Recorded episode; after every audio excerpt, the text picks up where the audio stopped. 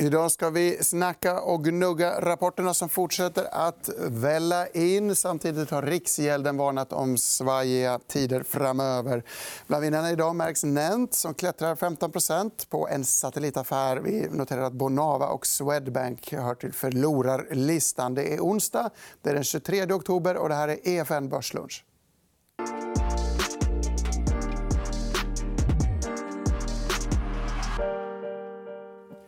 Ja, och så noterar vi att Altors eh, börsnotering av Sats verkar landa i den lägre delen av intervallet 23,50 på Oslobörsen. Men ni två ser väldigt starka ut. måste jag säga.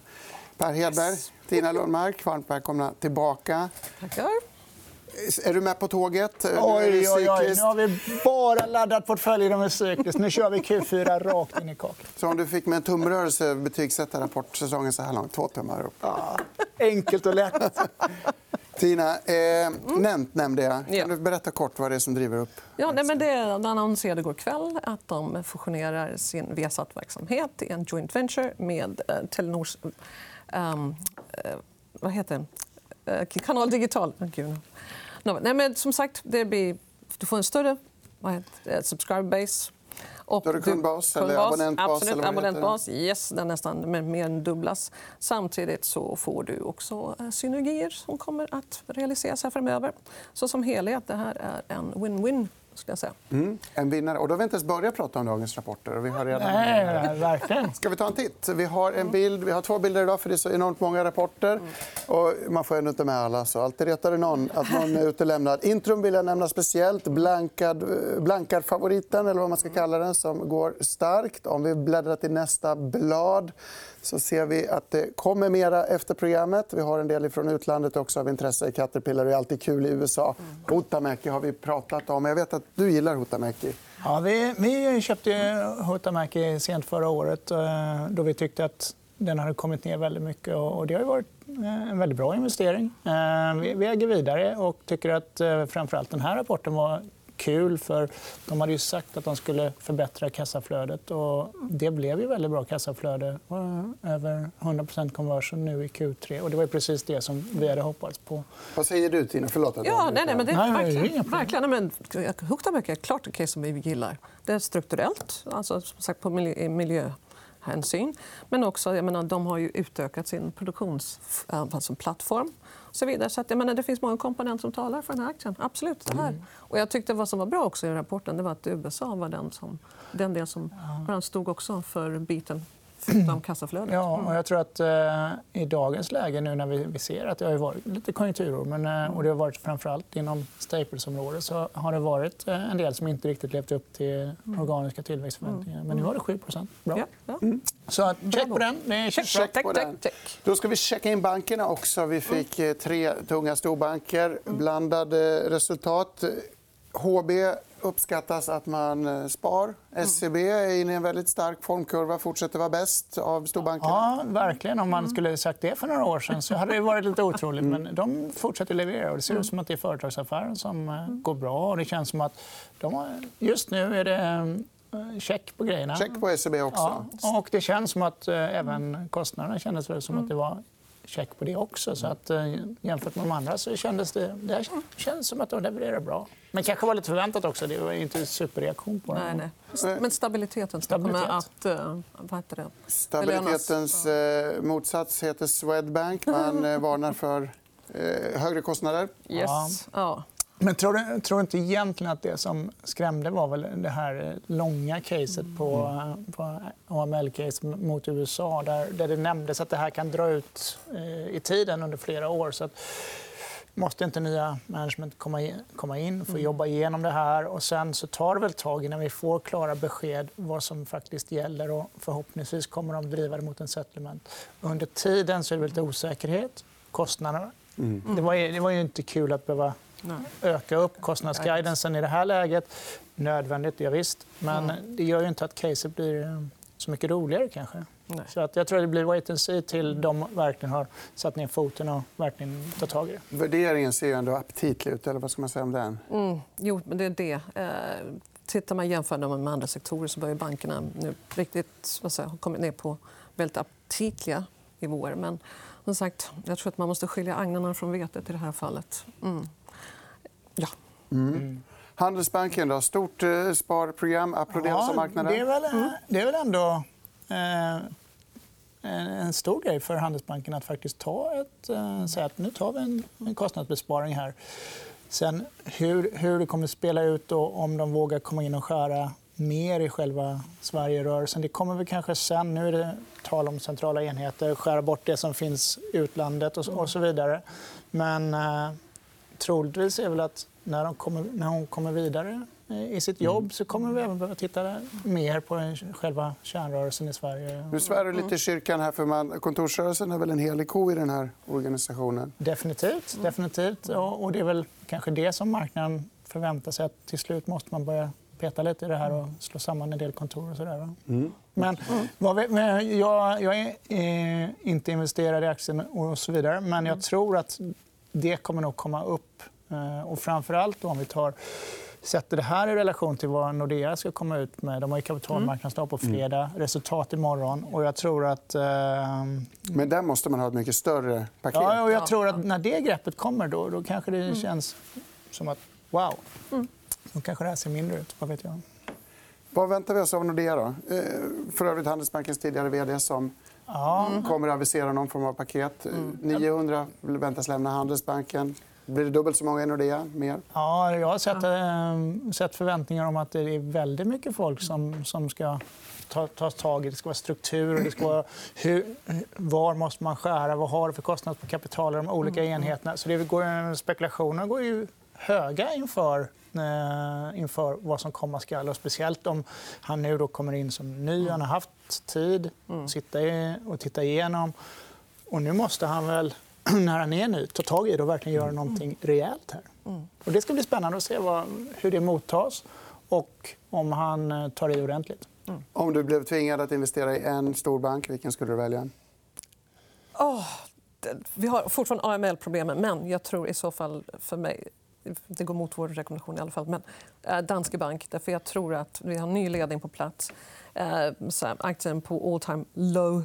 Um, och jag tror också att som sagt, de här, eh, man kommer nog kommer nå en settlement med, med mm. USAs myndigheter och då tror jag eventuellt kanske det kommer en kapitalökning och liknande. Och då kommer det en relief. När settlementen väl kommer då verkar det inte vara någon som bryr sig. Då skriver man av det och går vidare. Titta då, på Ericsson. Då har, vi liksom, då, då har du fått en begränsning på vad det verkligen mm. blev. Och, mm. och, då är det liksom check. Precis, då check. Vi sätter check och så går vi vidare. Vi har ju så enormt mycket att prata om mm. idag. Stora rörelser har varit på flera håll i börsen. Vi mm. ser ABB, stark rapport. Grattis. Vi ska prata om SSAB. Det är väl dagens stora fenomen det här som vi kommer minnas ända tills vi blir gamla. Men Swedish Match, upp på gårdagens nyheter. Tina. Vi har pratat om Swedish Match. Ja, nej, FDA de gav produkten, deras så kallade smokeless, alltså generalsnus i USA, en vad säger, clearance. Att den är bättre än rök, rökprodukter.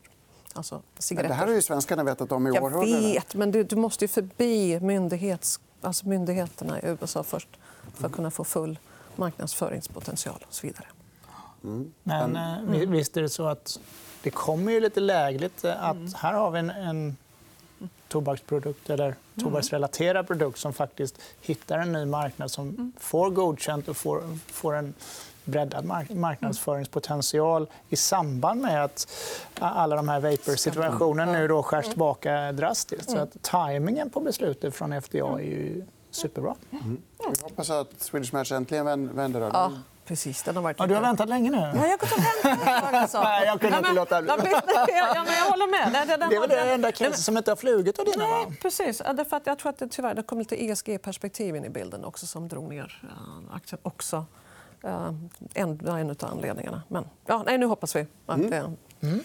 SSAB ja. ner vadå, nästan 5 och sen yes. upp lika mycket. Var det konferenskålet som var fantastiskt eller är det en Volvo-effekt? Att, att... Vi får väl se var den stänger. Men helt klart, nu är det väl en um, Volvo-effekt av att um, blir, blir det inte värre än så här. Nu ska vi ha...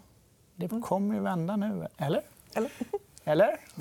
Då är det alltså så här, man får rapporten. Ja, men det där känns lite skakigt. Vi handlar ner den. Sen tänker man nej, men vi kan inte stå utanför det här, den här festen som börjar snart. Och då måste man bara in i cykliskt igen. Är det så man resonerar förenklat? Förenklat så känns det som att positioneringen har varit eh, försiktig inför. Vi har varit mm. oroliga för att Q3 ska bli dåliga. Mm. Eh, och det har väl varit så att många har varit försiktiga. Mm. Och, det, är klart att om du kommer in med undervikt eller om du har varit kort eller vad det nu må vara, då kanske du passar på när aktierna kommer ner och då är det klart att mm. oh, där, där stack det till. Liksom. Och då får vi den här rörelsen att nu är vi på, nu ska vi tillbaka och så blir det en väldigt starka reaktioner i samband med resultaten. Jag tror att vi får se hur det här spelar ut över några veckor framöver.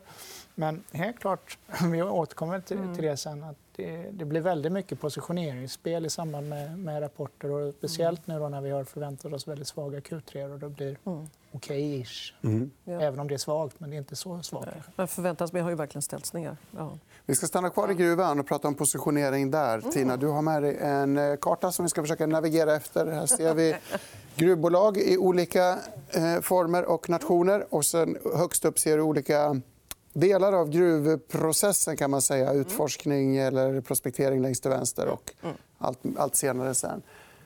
Vad vill du säga med det här? Nej, men det är just att jag tycker Metso, alltså kombinationen Metso och Autotech, man kommer fusionera. Man annonserade tidigare i år.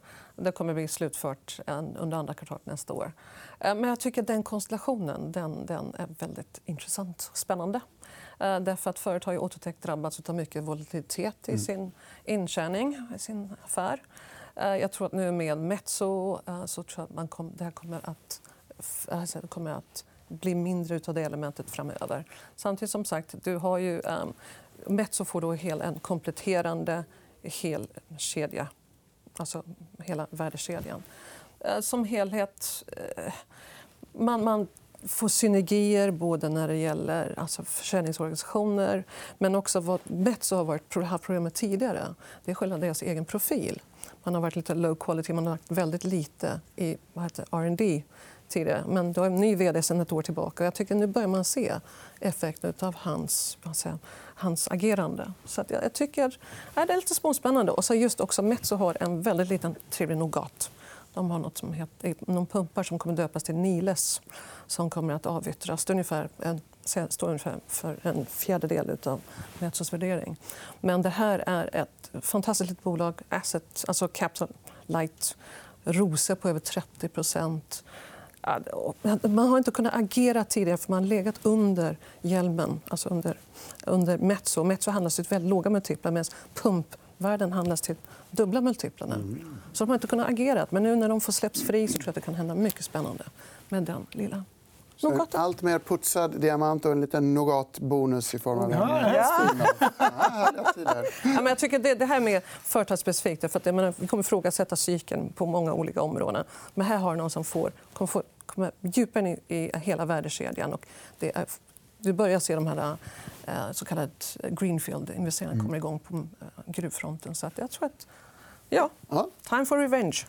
Time for revenge. Och när vi ändå har Tina i studion så måste vi prata om Tina som konceptuellt fenomen på marknaden. Vi har en graf som jag tror du vill koka ner till att det inte finns nåt alternativ till aktier. Här ser vi olika tillgångsklasser i år.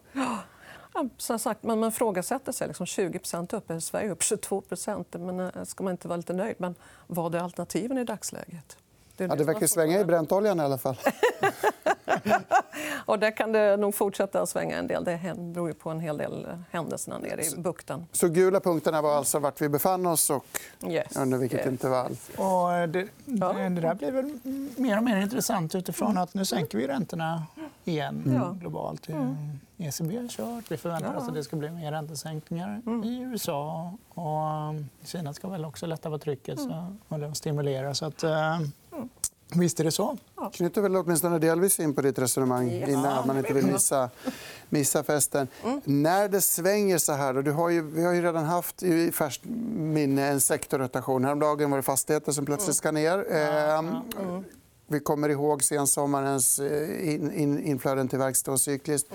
Hur ska man se på de här omslagen? Per? Ska man försöka tajma och ligga rätt? Eller? Jag tycker att det, det är ju väldigt svårt att på mikroperspektivet för oss som, som handlar enskilda aktier eller stockpickers att tajma det här och komma rätt. Det är jättesvårt. Mm. Därför det, vi har ju sett den här trenden att det är väldigt mycket passivt kapital som alla drivs mm. av att antingen är det momentum-traden eller så är det kortbanker i Europa-traden eller, eller vad, vad det nu är. Och det blir väldigt mycket. Vi slår sektorer eller vi slår enskilda regioner. eller Vi, vi slår väldigt mycket över samma kam. Och, och sen så låter vi då, eh, algoritmen köra det här. och Då blir slagen väldigt stora. Till slut blir krokodilgapen extrema. Mm. Och det svåra är ju att de här trenderna fortgår ju längre och längre i marknaden. vilket gör att det är svårt att gå emot en gång. Utan man måste bli mer och mer tålmodig. Man måste bli noggrann med sin disciplin i att gradvis bygga sina positioner. Men man ska också vara väldigt tydlig med att det skapar enorma möjligheter. Att det, till slut så blir det ju assets som blir jättebilliga. Låt mig ta ett exempel som, som vi har resonerat i. det här. Att trenden är supertydlig. Alla vet att passivt tar andel av mm. aktiv, aktiva fonder. Och med det så har vi satt på en trend där vi säljer alla aktiva asset managers rakt av. Det finns ingen värde i dem. Och den här trenden har fortgått nu. Rätt länge, alltså i flera år har det här pågått. Men om vi då börjar titta på vad händer då med de aktiva asset managers Ja, de kommer ju till slut inse att ja, okej, vi förlorar kapital, men vi vill fortsätta växa vår business. Då sker ju en konsolidering i det här med massa synergier. Och när den här konsolideringen sker då kommer de till slut kunna växa sina vinster utifrån att de kommer plocka ut synergier i form av sina mergers. Och vi har köpt eh, Invesco då, som har, eh, som har mm. fallit och fallit och fallit. Men om man tittar då till slut så blir det absurt att titta på. Men det här är P6. Det är en dividend yield på 8% och du har en 7% EPS-tillväxt. Mm. Okej, okay, fine. Trenden är mot oss.